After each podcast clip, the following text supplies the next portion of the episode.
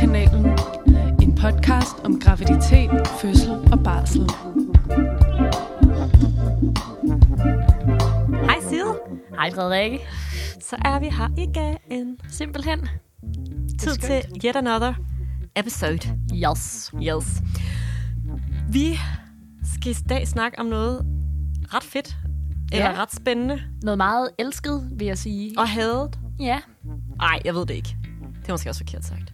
Det er i hvert fald noget, der bliver brugt meget ja. På de danske fødesteder, og som øh, vi følte et behov for at dykke lidt ned i Yes, og uddybe en lille smule. lige præcis. Det er epiduralblokaden. Epiduralblokaden.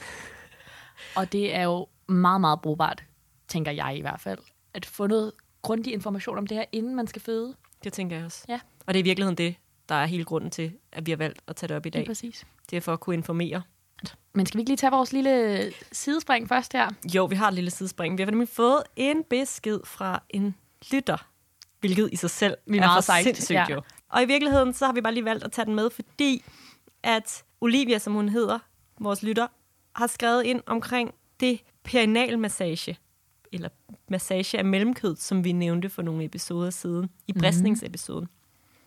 Øh, og hun skriver og fortæller om sin egen fødsel, at hun dengang for, det er så otte måneder siden, skriver hun, fødte en stjernekikker, som hvis vi bare lige hurtigt skal sige noget om det, er en baby, der har valgt at vende hovedet modsat af, hvad de fleste børn gør. Så den følger Ja. en lille smule mere på Ja. vej ud. Altså venner, hvad, hvad kan man sige? Grunden til, at det hedder en stjernekirke, det er vel, altså, hvis man tænker en fødende, der ligger på ryggen, føder, så plejer børnene at kigge nedad. Ja. Og stjernekikker kigger så opad mod stjernerne. Mod stjernerne. Mm. Men hun fortæller også, at hun er sikker på, at grunden til, at hun ikke bristede ved den her lidt besværlige fødsel, var, at hun havde lavet perineum-massage i løbet af sin graviditet. Mm. Og når jeg siger, at hun havde, så er det faktisk lidt forkert, fordi det var hendes mand, der gjorde det Ja. på hende. Og hun fortæller også, at hun er ret smidig, og hun kunne altså ikke selv nå. Nej. Det er jo ret godt med lidt insiderviden Lige herfra. præcis, ja. Så vi har altså i hvert fald én fortaler, stærk fortaler for perineum-massage her. Og det var egentlig, egentlig bare det. Vi synes, mm. at, øh, at I andre skal, hvis I har lyst, gøre kunsten efter. Prøv at Ja. se, om I synes, det fungerer for jer. I hvert fald prøve. Det kan ikke skade. Det kan ikke skade.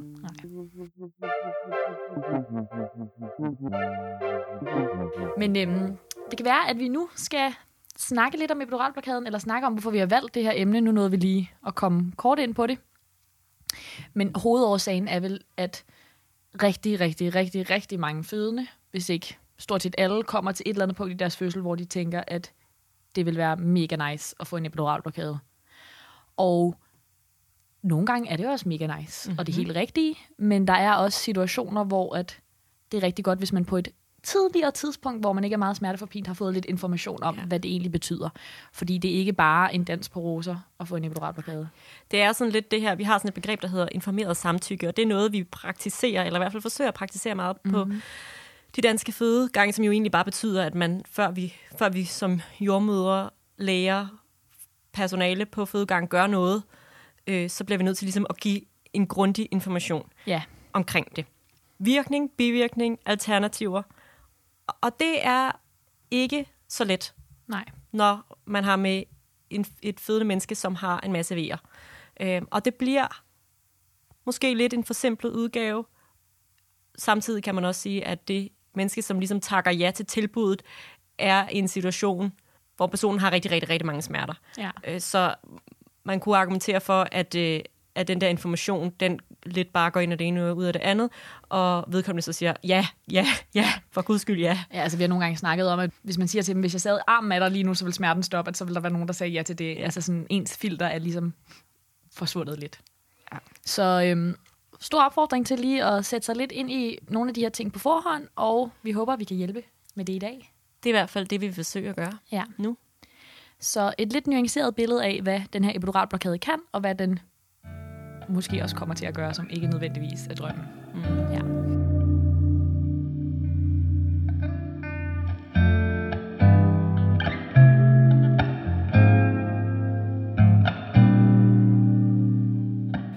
Jeg tænker, at noget af det første, vi kan gøre, det er at snakke lidt om kulturen omkring epiduralblokaden, som jeg synes er meget interessant.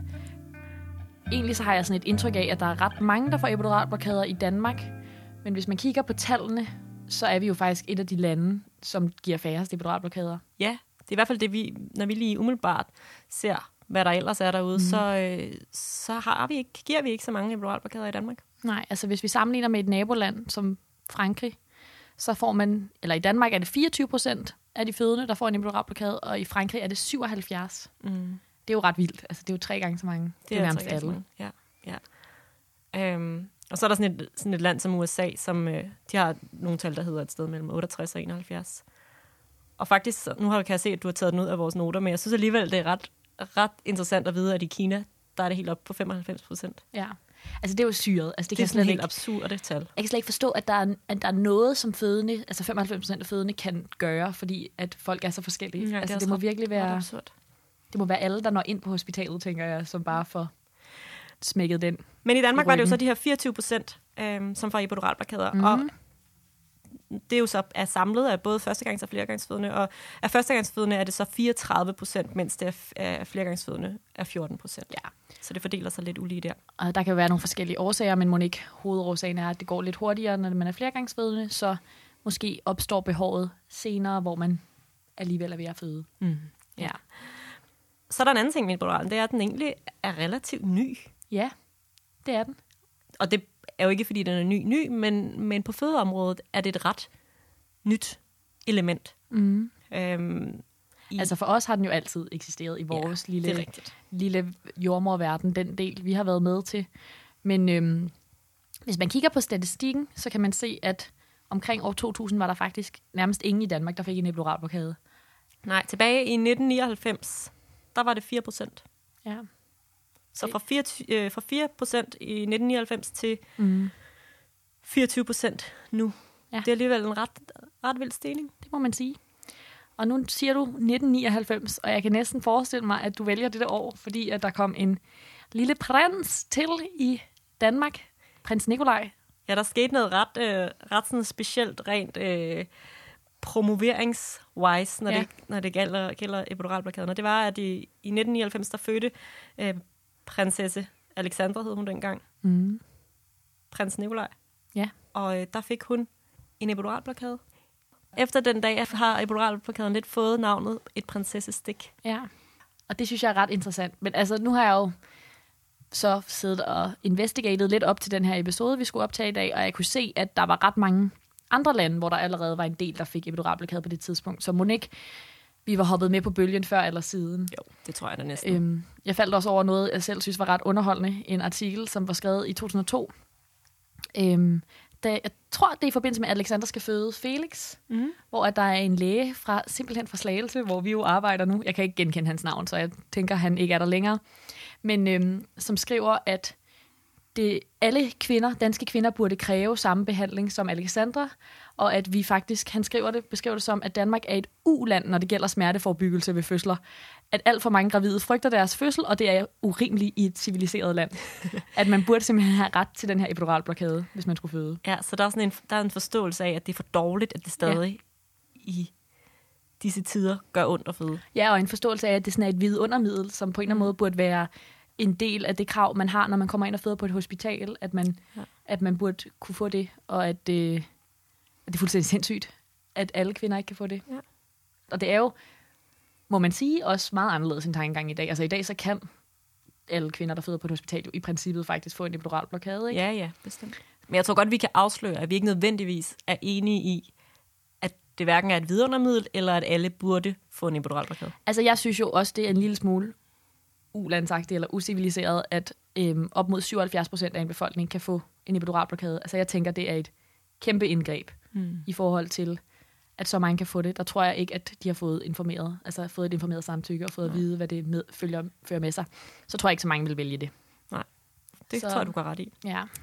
Men det var bare lidt interessant, synes jeg. Ja, bestemt. bestemt. I forhold til det her med, at øh, om hvorvidt det skal gøre ondt eller ikke ondt at føde børn, mm så stammer hele den her jo sådan der, det skal, det skal gøre ondt, hvis det er den forståelse tilbage mm. fra, fra Bibelen simpelthen. Der siger man, at det ligesom er, er smerte, der skal være forbundet med at føde børn. Ja.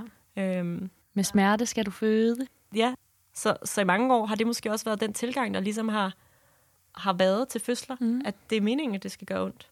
Det tror jeg også, og det synes jeg også er forkert, eller man kan sige, det er jo det, der kommer af sig selv, så man skal jo på en eller anden måde gøre et eller andet for at lindre den her mm. smerte. Men nu har jeg, øh, under studietiden har jeg været i Sydafrika i praktik, og der var det sådan et argument, der blev brugt af jordmøderne dernede. Ja. Hvis jeg spurgte, altså der var ikke, det var så også meget langt fra Danmark, ikke? der var ikke tilbud om nogen smertelindring af nogen art, når man fødte på den fødegang, jeg var på i hvert fald. Og hvis jeg spurgte til det, så sagde de, at øhm, det er meningen, der skal være smerte, og hvis du stopper smerten, stopper du fødslen. Altså det er ligesom et middel vejen til at føde, hvor jeg tænkte, okay, jeg tror ikke, der vil ske noget, hvis man masserede hendes lænd eller gav hende en varmepude. Altså, sådan, så på den måde, så har vi jo nok altid, eller i hvert fald i rigtig lang tid, det nu skal jeg ikke kunne sige, da Bibelen blev skrevet, skrevet hvordan holdningen i Danmark var, men vi har nok i lang tid gerne vil lindre, ikke? Og så nu er det så blevet endnu mere et, øhm, ja. En mulighed for virkelig at fjerne mange af de smerter der. Og så må man jo bare sige, at der er jo en væsentlig forskel på at lindre og smertedække. Ja. Som er jo det, at vi ligesom som udgangspunkt søger at gøre med epiduralblokade. Det er det er rigtigt. et smertedække, ikke? Det er Også, hvor rigtigt. vi har mange andre ting, som ikke går ind og smertedækker, men som går ind og lindrer. Det kan ja. blandt andet være varme. Øh, det kan også være sådan noget som, hvad hedder det, lattergas, som Ja. ja. vi bruger en del på slagelse. Ja, det er rigtigt. Det er Som jo- faktisk en meget stor forskel på de to. Ja. Det kan være, at vi lige skal fyre en tekstbogen af, sådan, så man lige får lidt grundlæggende viden om den her epiduralblokade, inden vi snakker videre. Det synes jeg er en vildt fed idé. Smukt. Tekstbogen. En epiduralblokade er en smertelindringsform, der tilbydes på alle de hospitaler, man kan føde på i Danmark. Det er jordmoren, der bestiller blokaden, men det er en anestesilæge, der kommer på fødestuen og anlægger blokaden. Lægen stikker en nål ind igennem huden i ryggen og ind mellem to rygvivler. Gennem denne nål lægges et kateter, der kan pumpes bedøvelse igennem. Dette kateter skal ligge i det, der hedder epiduralrummet, det vil sige lige uden for de hænder, der omgiver rygmarven.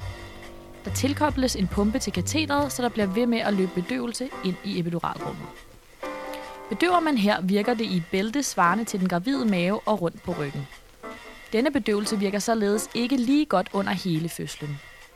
Den er god i udvidelsesfasen, men har mindre effekt efterhånden, som barnet trænger ned gennem bækkenet og i pressefasen.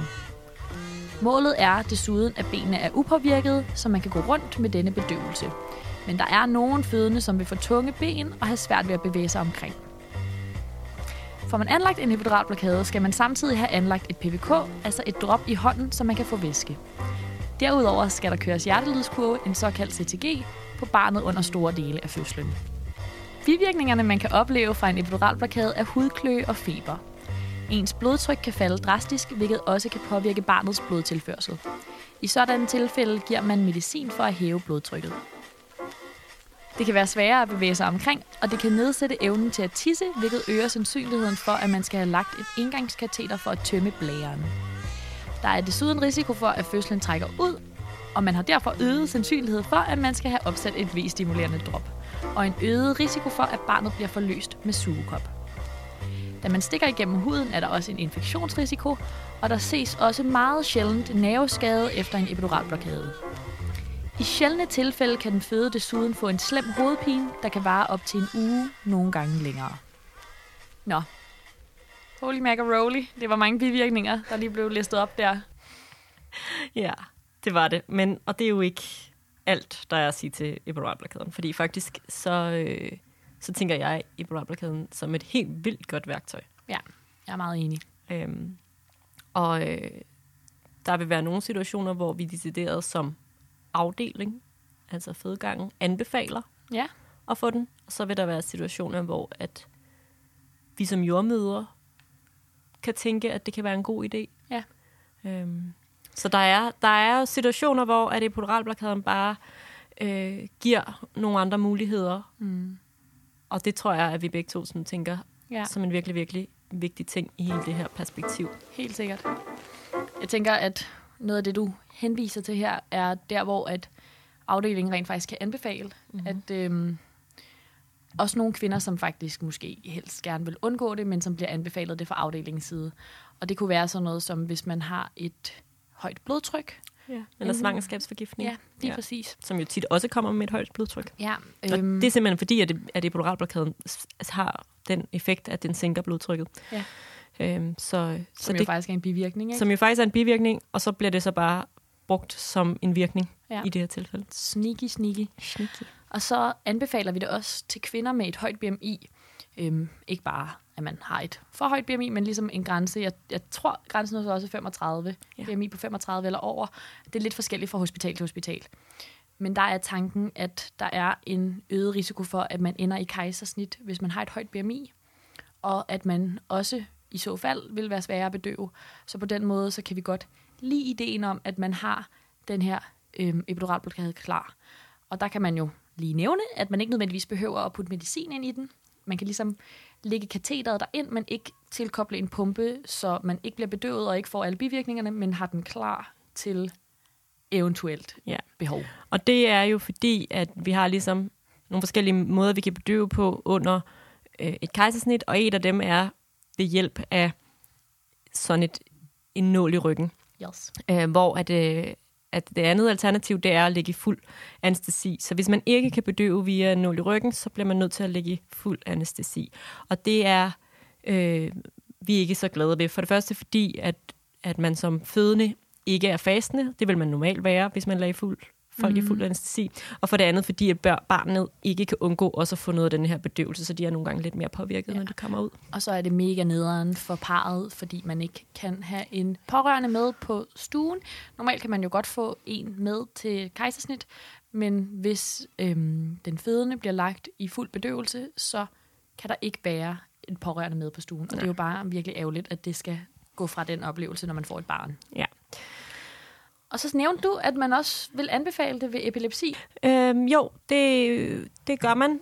Og det gør man, fordi at, øhm, at epileptiske anfald som regel kommer ved overanstrengelse. Som er sådan en teori om, at man skåner den, mm. den fødende i de her tilfælde ved at lægge en epiduralblokade. Øh, så, øh, så vi undgår udmattelse. Øh, og dermed prøver at undgå epileptiske anfald under fødslen. Ja. Mm. Smart. Smart. Altså, den, er jo, den er jo smart. Den er smart, det må man sige. Og videre til, tænker jeg lige til de, det jeg også nævnte, som er øh, tilfælde, hvor vi som jordmøder kunne finde på at sige, Ja. at det kunne være en god idé. Og her tænker jeg på øh, lange forløb Ja. primært. Og så kan der være mange grunde til, at vi der er tale om lange forløb. Det kan være, fordi det er en igangsættelse. Det, Mhm. mm. det er tit, at det bliver nogle lidt længere forløb. Det kan også have noget at gøre med, hvordan baby står i bækkenet. Mhm. Mm. Hvis de s- har stillet sig, indstillet sig dumt i bækkenet, Ja. så ser vi, at det tit trækker ud, og også tit gør mere ondt. Og det er her, hvor jeg tænker, at, øh, at epiduraler mm. kan være en rigtig, et rigtig, rigtig øh, Helt sikkert. godt Jeg er meget enig. Og det er jo lidt, altså det er jo også forskelligt, må man sige, fra krop til krop, hvordan det føles at føde. Og der er bare nogen, hvor at man kan tænke som jordmor på sidelinjen, uden at den fødende selv har nævnt det. Mm. Jeg tror virkelig, du skal have en epiduralblokade, for at det her skal blive en oplevelse, du vil se tilbage på Ja. med glæde. Ikke? Ja. Ja. Jeg tænker måske også, at vi lige hurtigt kort skal nævne her, nu hvor vi har snakket om alle bivirkningerne, at øhm, der måske er nogen af jer, der har hørt, at øh, det også kan påvirke amningen, hvis man får en epiduralblokade. Og det er ikke noget, som er blevet bevist ud fra de studier, vi har lige nu. Jeg tænkte, da jeg sådan hørte om det første gang, at det måske kunne skyldes fødslen mere end noget andet, at hvis man har haft en grund til at få en epiduralblokade, som måske var, som du nævner, en meget lang fødsel, eller en meget smertefuld fødsel på grund af en uregelmæssig hovedstilling, at så er den fødende også lidt mindre oplagt til at lægge barnet til brystet lige efter fødslen. Så er der måske nogle andre faktorer end selve det, at man har fået en epiduralblokade, som gør, at man har lidt mindre overskud til amning lige efter fødslen. Ja, det tænker jeg godt kan være noget om. Jeg tænker, hvis man er bange for det her, og øh, har hørt om det, og måske også læst noget om det nogle steder, så kunne man måske prøve at gøre, hvad man kan for at fremme amningen. Altså hvis man har fået en epiduralblokade mm. og frygter, det påvirker amningen. Og det kunne være sådan noget som at skabe så meget ro på stuen som muligt, og lægge barnet hud mod hud, og sørge for at få hvilet efter fødslen, så man ligesom får en masse lækker oxytocin. Mm. Så det er jo en mulighed. Ja. Yes. Yes, yes, yes.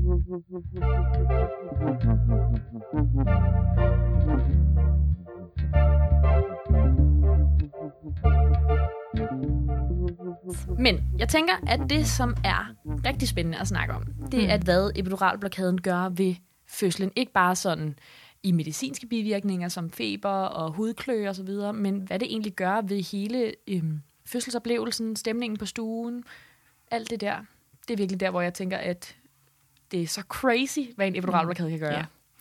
Det, der er ved en epiduralblokade, og det som tit er det sådan lidt underlige ved fødsler, hvor der er en epiduralblokade, det er, at det går jo fra at være et, øh, sådan en meget intens stemning på en Mhm. stue, med en person, der har vejer og har et behov for hjælp til vejrtrækning, har behov for nærvær, har behov Mhm. for at have mennesker omkring sig, som hjælper. Ja. Øh, en, også en lidt sådan en stemning af en, der arbejder med sine vejer.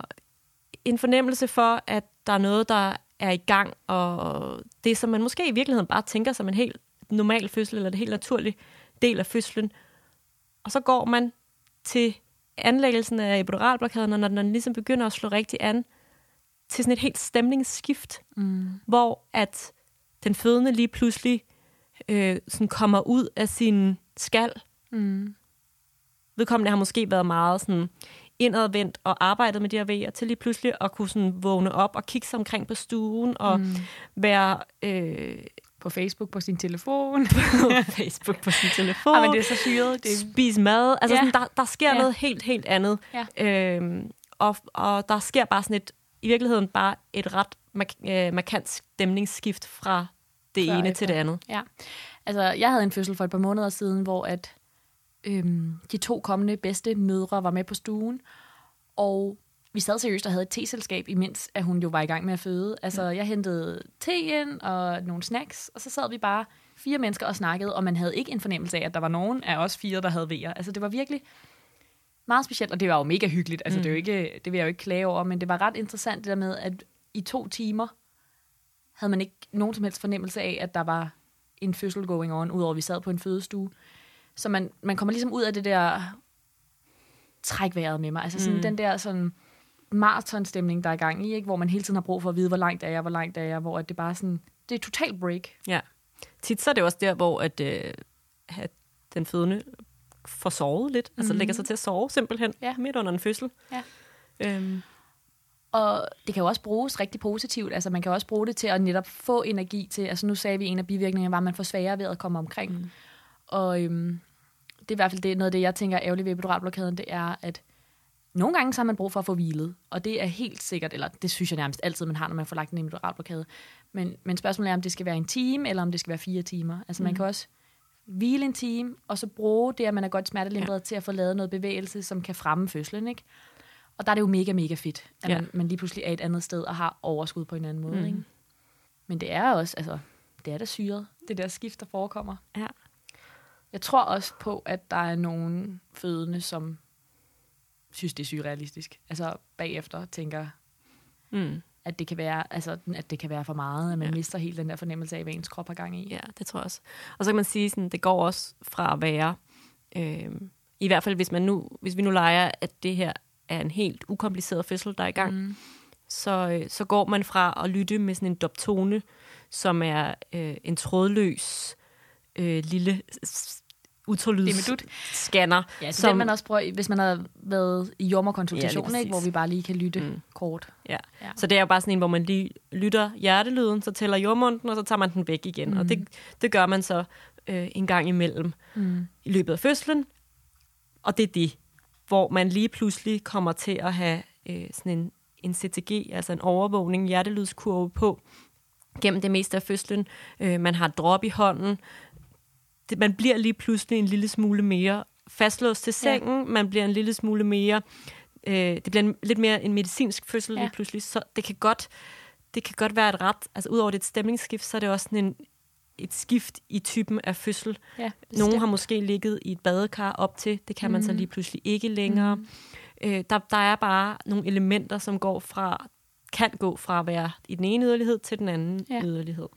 Og jeg tænker også især det, der er med den doptone der, som vi lytter hjertelyd med, at, at der er ligesom et teamwork. Der er jo både, øhm, hvis man har en partner eller en pårørende med, øhm, men der er også det, at jordmoren kommer hen til en jævnligt og lytter en hjertelyd og snakker med en, og lige lægger en hånd på maven. Og øhm, ofte har vi jo også, især hvis man er kommet dertil, hvor man får brug for en epiduralblokade, brugt rigtig meget energi på at trække vejret mm. med de fødende og øhm, massere og så videre, og det behov er der bare ikke på samme måde.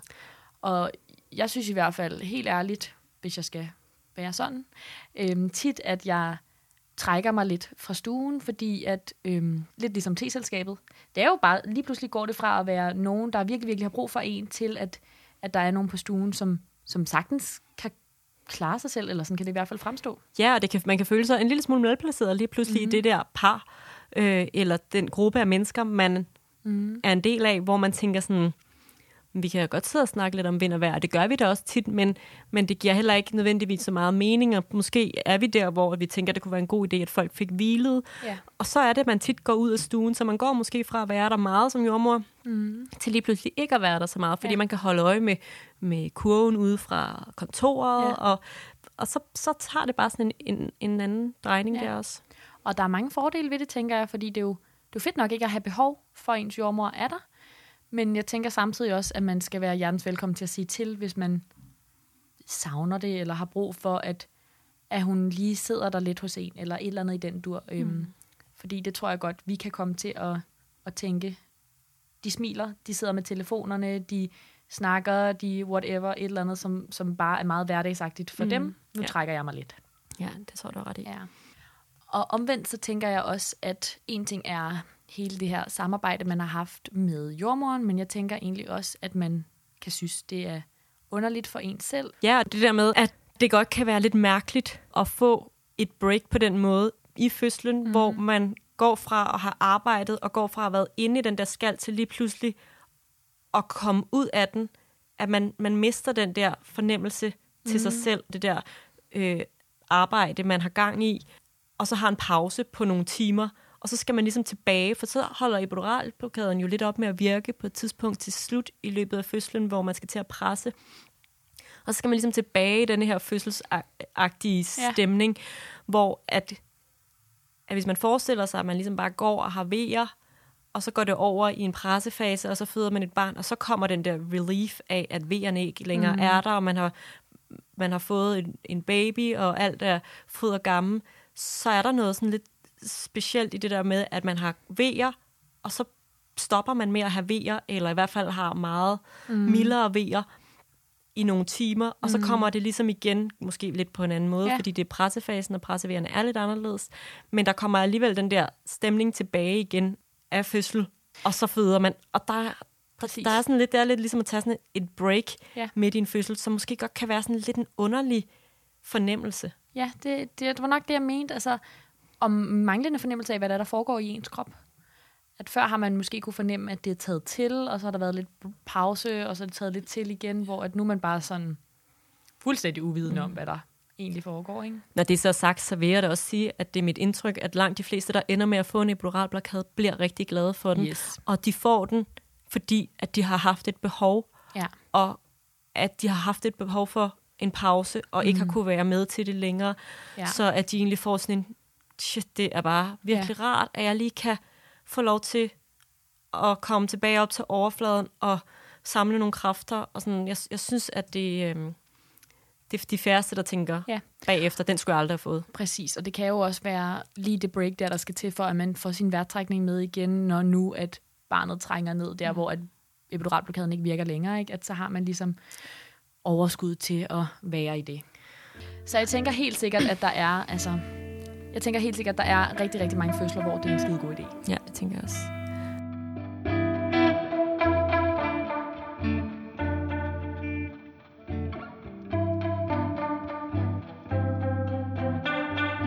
Så er der det her lidt hmm, spøjse ved epiduralblokaderne, at ofte, hvis vi skal snakke om noget, der er ofte inden for den her verden, hvor alt lidt er sit eget, så synes jeg, man oplever, at man har, vi er førstegangsfødende, som kommer ind med sådan en intention om ikke at få en epiduralblokade. Mm. Og så fordi en første, førstegangsfødendes fødsel som regel tager lidt længere tid, så er det måske nogle af dem, der ender med at få den. Ja.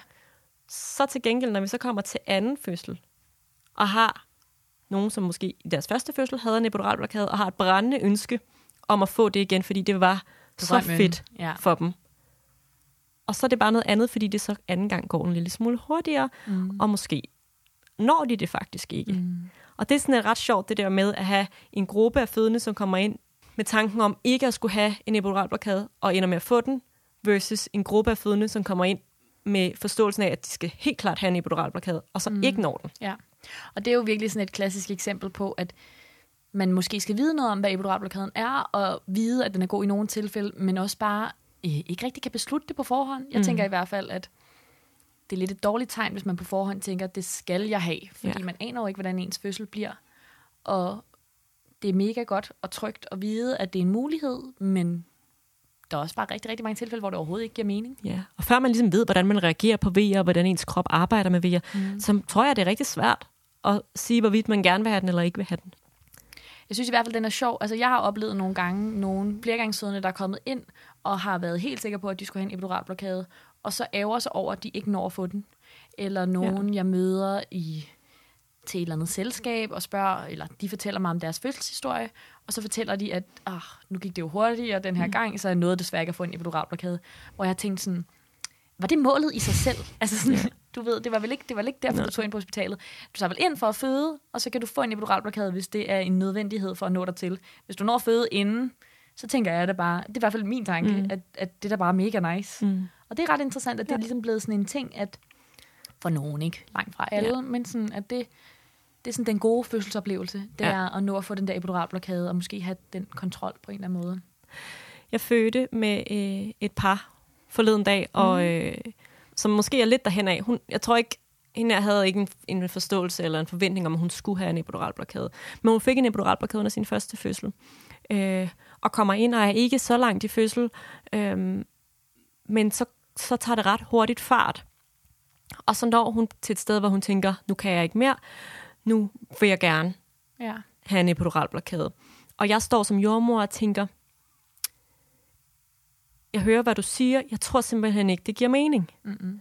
Og det er jo altid en vild, en vild svær ting at vurdere som en jordmor.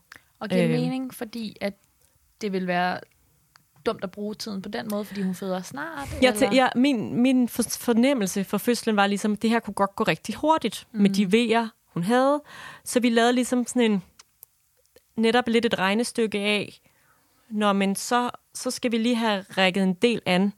Der skal lægges en, en nål i hånden, der skal opsættes et drop, jeg skal ringe til anestesien, vedkommende skal komme og lægge den. Mm. Så går der også noget tid før, der er god effekt af den. Mm. Og så er vi måske op på, at det har taget halvanden time fra nu af, og jeg tror, at du har født inden da. Mm. Øh, og, og jeg er altid meget sådan, jeg vil gerne have, at folk har fornemmelsen eller forståelsen af, at, at øh, hvis de virkelig har et ønske om at få en epiduralblokade, mm. så har jeg ikke tænkt mig ikke at give dem, dem det. Men, men alligevel også behov for ligesom at fremlægge min del af det. Ja. Øh, og hun gik med til, at vi, vi prøvede nogle andre ting, øh, og jeg hjalp hende med vejrtrækningen, mm. og så nåede hun at føde inden for en time. Ja. Så på den måde var, gav det god mening, at hun ikke fik den, og jeg tror også, at hun til sidst øh, var, helt, var helt tilfreds ja. med det, vi endte med at gøre. Øhm. Og det synes jeg faktisk er meget fedt, fordi tænker man nu lige det her tilfælde, ikke, hvor hun forudser, at hun vil føde hurtigt, og det gør hun også. Mm. Det havde jo været træls at bruge den team, der så gik på, at du går rundt og ordner ting, og hun har rigtig ondt, og bare ligger og tænker på den her epiduralblokade, og så føder hun. Ja. Så er det jo federe, at man bruger de andre værktøjer, man har. Ikke? For det er jo en del ved det, ved det der med at lægge mm. en, en epiduralblokade, at det kommer til at tage, der er noget forberedelse, som vi ja. som jordmøder skal rende rundt og lave sådan nogle tekniske ting, der mm. skal være i orden. Og, øh, og selve anlæggelsen af epiduralen er også noget med, når man så skal så skal man op og sidde. Så skal man op og sidde, og man skal sidde stille, og øh, anestesien skal ligesom finde ud af, hvor skal den her ligges i ryggen, mm. og øh, det tager også nogle gange nogle, nogle omgange, og, før ja. at den ligger, hvor den skal, og ja. alt det her tager bare tid, og det er noget tid, som jeg kunne bruge på at hjælpe hende gennem ja. i stedet for at lave alt det praktiske ja. arbejde. Jeg tænker også, det er et godt eksempel på, at vi ligesom som fagpersoner har et indtryk af nogenlunde, hvor hurtigt den her fødsel kommer til at gå. Men omvendt så må vi jo også sige, at ja. vi er jo virkelig ikke øh, spåerske. Spåmennesker. Spåerne. Jeg ved ikke, hvad det hedder. Så kloge er vi ikke. øh, så vi, vi kan jo kun gisne, eller give et godt fagligt bud. Ikke? Ja. Og øhm, jeg havde nemlig noget, der med, en situation, der mindede lidt om, men så alligevel ikke, for et par uger siden med en andengangsfødende, som også rigtig gerne ville have en epiduralblokade hvor vi også snakkede om det her med, at det kan potentielt gå rigtig hurtigt, men vi kunne gøre sådan, at nu laver jeg alle forberedelserne, og så inden jeg ringer til anestesilægen, lad os regne med, at det tager en halv time at lave forberedelserne, så tjekker jeg igen, hvor åben du er efter en halv time. Og så havde hun så ikke givet sig så meget, som man måske typisk vil gøre. Det var lidt under gennemsnittet, ikke unormalt. Og så ender vi med at ringe til anestesilægen, og der bliver så lagt en epiduralblokade. Og der går faktisk også en del timer, før hun føder. Ja.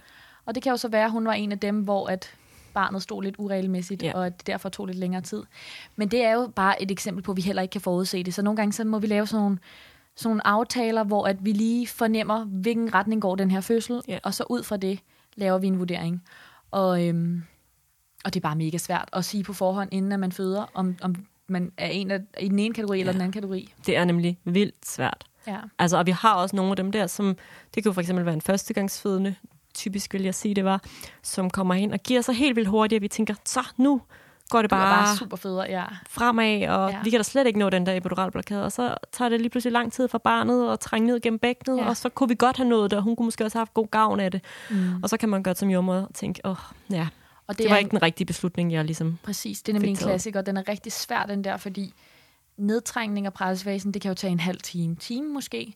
Og det kan også bare nogle gange trække rigtig meget ud for førstegangsfødende og ende på 4, 5, 6 timer. Mm. Og vi aner det jo ikke, før der lige pludselig er gået et par af timerne, og så ærger man sig over, at man ikke bare fik den lagt før den der Ja. epiduralblokade. Ikke? Så det er jo også sådan et eksempel, hvor det bare må handle om at snakke sammen og finde ud af, hvad det rigtigt at gøre i den her situation. Og der tænker jeg, at det i hvert fald er godt at vide som fødende på forhånd, at der kan være mange grunde for og imod, Mm. at det ikke er fedt at bruge de timer, hvor man er mest smerteforpint på at lave en masse forberedelser, som så ikke bliver til nogen gavn. Ikke? Mm. Klart. Ja. Noget af det, som jeg synes er rigtig interessant i den her sammenhæng, det er, at der er studier, som har vist, at fødende, som får en epiduralblokade, ender med at have en værre fødselsoplevelse. Og jeg har sådan prøvet at tænke lidt over, hvad det måske kunne skyldes, og jeg tænker bestemt en del af det kunne være, hvordan går man ind til fødslen?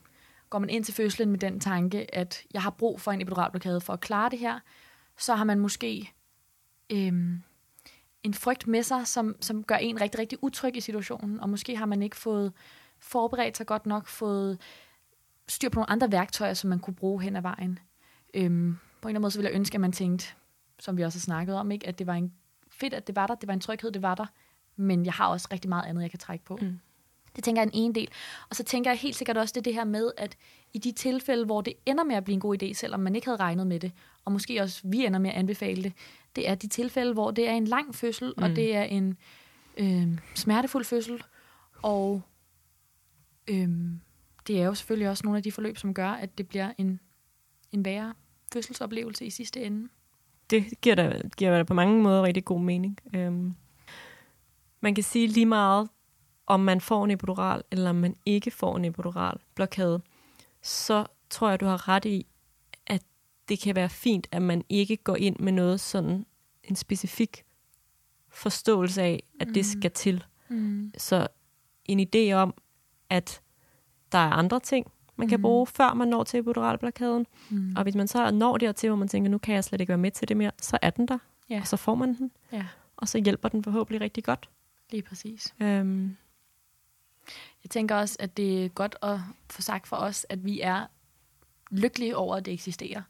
Og meget glade for, at, at den mulighed er der. Men det er bare ikke en god idé for alle. Der kan være fødsler, hvor det ender med at gå for hurtigt til, at det gav mening at bruge tid på det. Og der kan også være fødsler, hvor at bivirkningerne simpelthen ikke opvejer gavnen. Altså hvor at der ender med at være, øhm, og det er jo lidt et sats, fordi man ved aldrig, hvilke nogle bivirkninger man får. Men man skal bare huske, at der er ret mange bivirkninger, og de fleste oplever en del af de her bivirkninger. Så på den måde, så kunne det faktisk være rigtig rart i den anden ende. Og det er jo også noget med den der fødselsoplevelse, tænker jeg, at jeg ser i hvert fald tit for mig, at en kvinde med en epiduralblokade er en lidt immobiliseret kvinde, som, som har svært ved at bevæge sig, og det er også ubehageligt mm. at være det. Så der er et eller andet med den oplevelse, man ender med, at det ikke bare for i alle tilfælde det, der vil gøre lykken.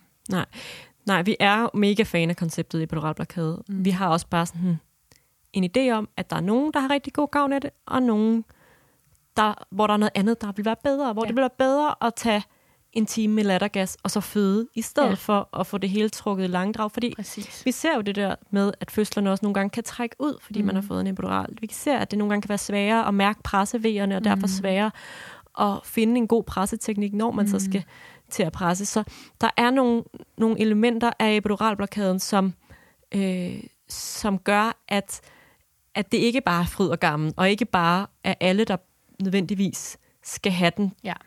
Øh, og at der også kan være noget fint i at ligge i et badekar, Mm. og have noget lattergas, og Bestemt. føde et barn.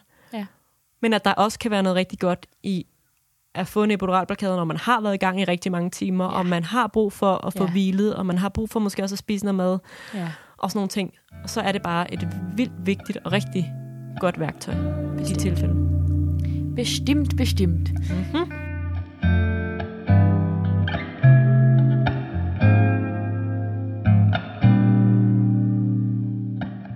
Med denne her lille afrunding, så tænker jeg, at vi kan gå videre til brevsprækken. Ja, Er du med på den? Jeg. jeg synes, det er passende. Yes. Brevsprækken. Hvordan var det at være til sin første fødsel? Var det klamt? Var det grænseoverskridende? Var det livsbekræftende? Og jeg tænker, det her spørgsmål er til os. Hvordan var det, Ja, det for os jeg at være med? Altså, hvis jeg skal være helt ærlig, så jeg kan ikke rigtig huske den første fødsel, jeg var med til. Men jeg kan huske den første gang, jeg trådte ind på en fødestue. Okay. Og der havde de nemlig lige født, og det var min allerførste vagt som jordmorstuderende. Og jeg kommer ind på en stue, hvor de lige har født. Og det var faktisk lidt voldsomt, synes jeg. Fordi min teori sidenhen har været, at jeg var ligesom ikke med til den der opbygning af, øhm, jeg vil sige lugte på fødestuen. Altså, ja. når man går ind, og så er man der jo nogle timer, og der kommer noget blod, der kommer noget fostervand, der kommer nogle ting og sager. Og hvis man bare kommer udefra, og man aldrig har været i det her før, så var det faktisk lidt voldsomt at komme ind til. Okay. Og der blev jeg øh, en lille smule dårlig. Ja. Jeg ender i hvert fald med, og sådan, jeg, har, jeg kan huske, jeg har sådan en fokuspunkt i den fødendes fryd, som jeg kigger på. og jeg tænker sådan, kig på den her Sigrid. Bare kig på den her Sigrid. Og så på et eller andet tidspunkt er jeg sådan, det, det går ikke det her. Og så går jeg ud af stuen, uden at sige noget til nogen. Og tænker, jeg kan så ikke være jordmor. det, var, det var så ikke en evne, jeg havde at være på en fødestue. Og så har jeg simpelthen aldrig nogensinde haft det dårligt tiden. Så jeg tror, det var sådan en... Øhm, jeg tror, det var fra det ene til det andet, hvor at hvis man kommer ind på hospitalet, så er man jo øhm, med til processen. Ja. Så det, det, det, var lidt, det var lidt vildt, faktisk. Ja. Jeg kan heller ikke huske min første fødsel, eller den første fødsel, jeg var med til sådan i detaljer, må jeg ærligt indrømme. Men jeg kan huske lige det aller, aller sidste, inden barnets hoved bliver født. Mm. Øhm, og der kan jeg huske sådan, og det må være vildt svært at forestille sig, nu skal jeg prøve at se, om jeg kan beskrive det. Men hvis man ligesom forestiller sig, at, at bar, huden, huden på barnets hoved bliver rynket lidt sammen, Mm. fordi det ligesom bliver presset Jeg kan godt se det Ned for mig. og ud. Ja. Så det så bare helt absurd ud, og jeg kunne simpelthen ikke få mit, i mit hoved få det til at passe med, hvad det her skulle være. Nej. Altså om det var ansigtet, eller om det var... Det, det var virkelig ja. bare vildt absurd for mig. Ja. Så det gik, der gik noget tid før, det gik op for mig, sådan, nå, det var det. ja, det var Jeg huden, kiggede der bare, på. Ja. Øhm, så jeg nåede at tænke sådan der, "Øh, hvad er det Ja. dog, der kommer ud her? ja. Øh, så var det bare helt Normale hud, normalt der bare lige var, der bare lige var, var foldet på en mærkelig måde. Ja.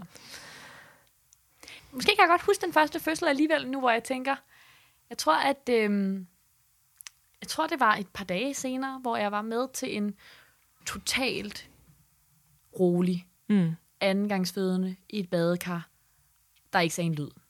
Ej, sådan, hvor og jeg, lækkert. Præcis, og jeg kan nemlig huske, at jeg bare kiggede på hende og tænkte sådan, du er mega sej. Altså sådan en krop, der bare ligger nede i badekarret helt nøgen og bare sådan trækker vejret. Ja. Og stille og roligt, så kan man sådan fornemme lidt på vejrtrækningen, at hun ligesom sådan får tiltagende vejer. Og den der pressetrang kommer lidt til hende, og så stille og roligt føder hun ned i det der badekar. Hvor smukt. Det var faktisk øhm, mega awesome. Og det, jeg har jo været med til lignende fødsler siden, men man må sige, der er også rigtig, rigtig, rigtig mange andre fødsler. Ja. Det var nok en meget god første fødsel. Det lyder vildt lækkert. Mm. Ja. Jeg havde også brug for det efter mit, mit Ja. skære et par dage før. Du har lige brug for sådan at blive bragt tilbage til... Ja.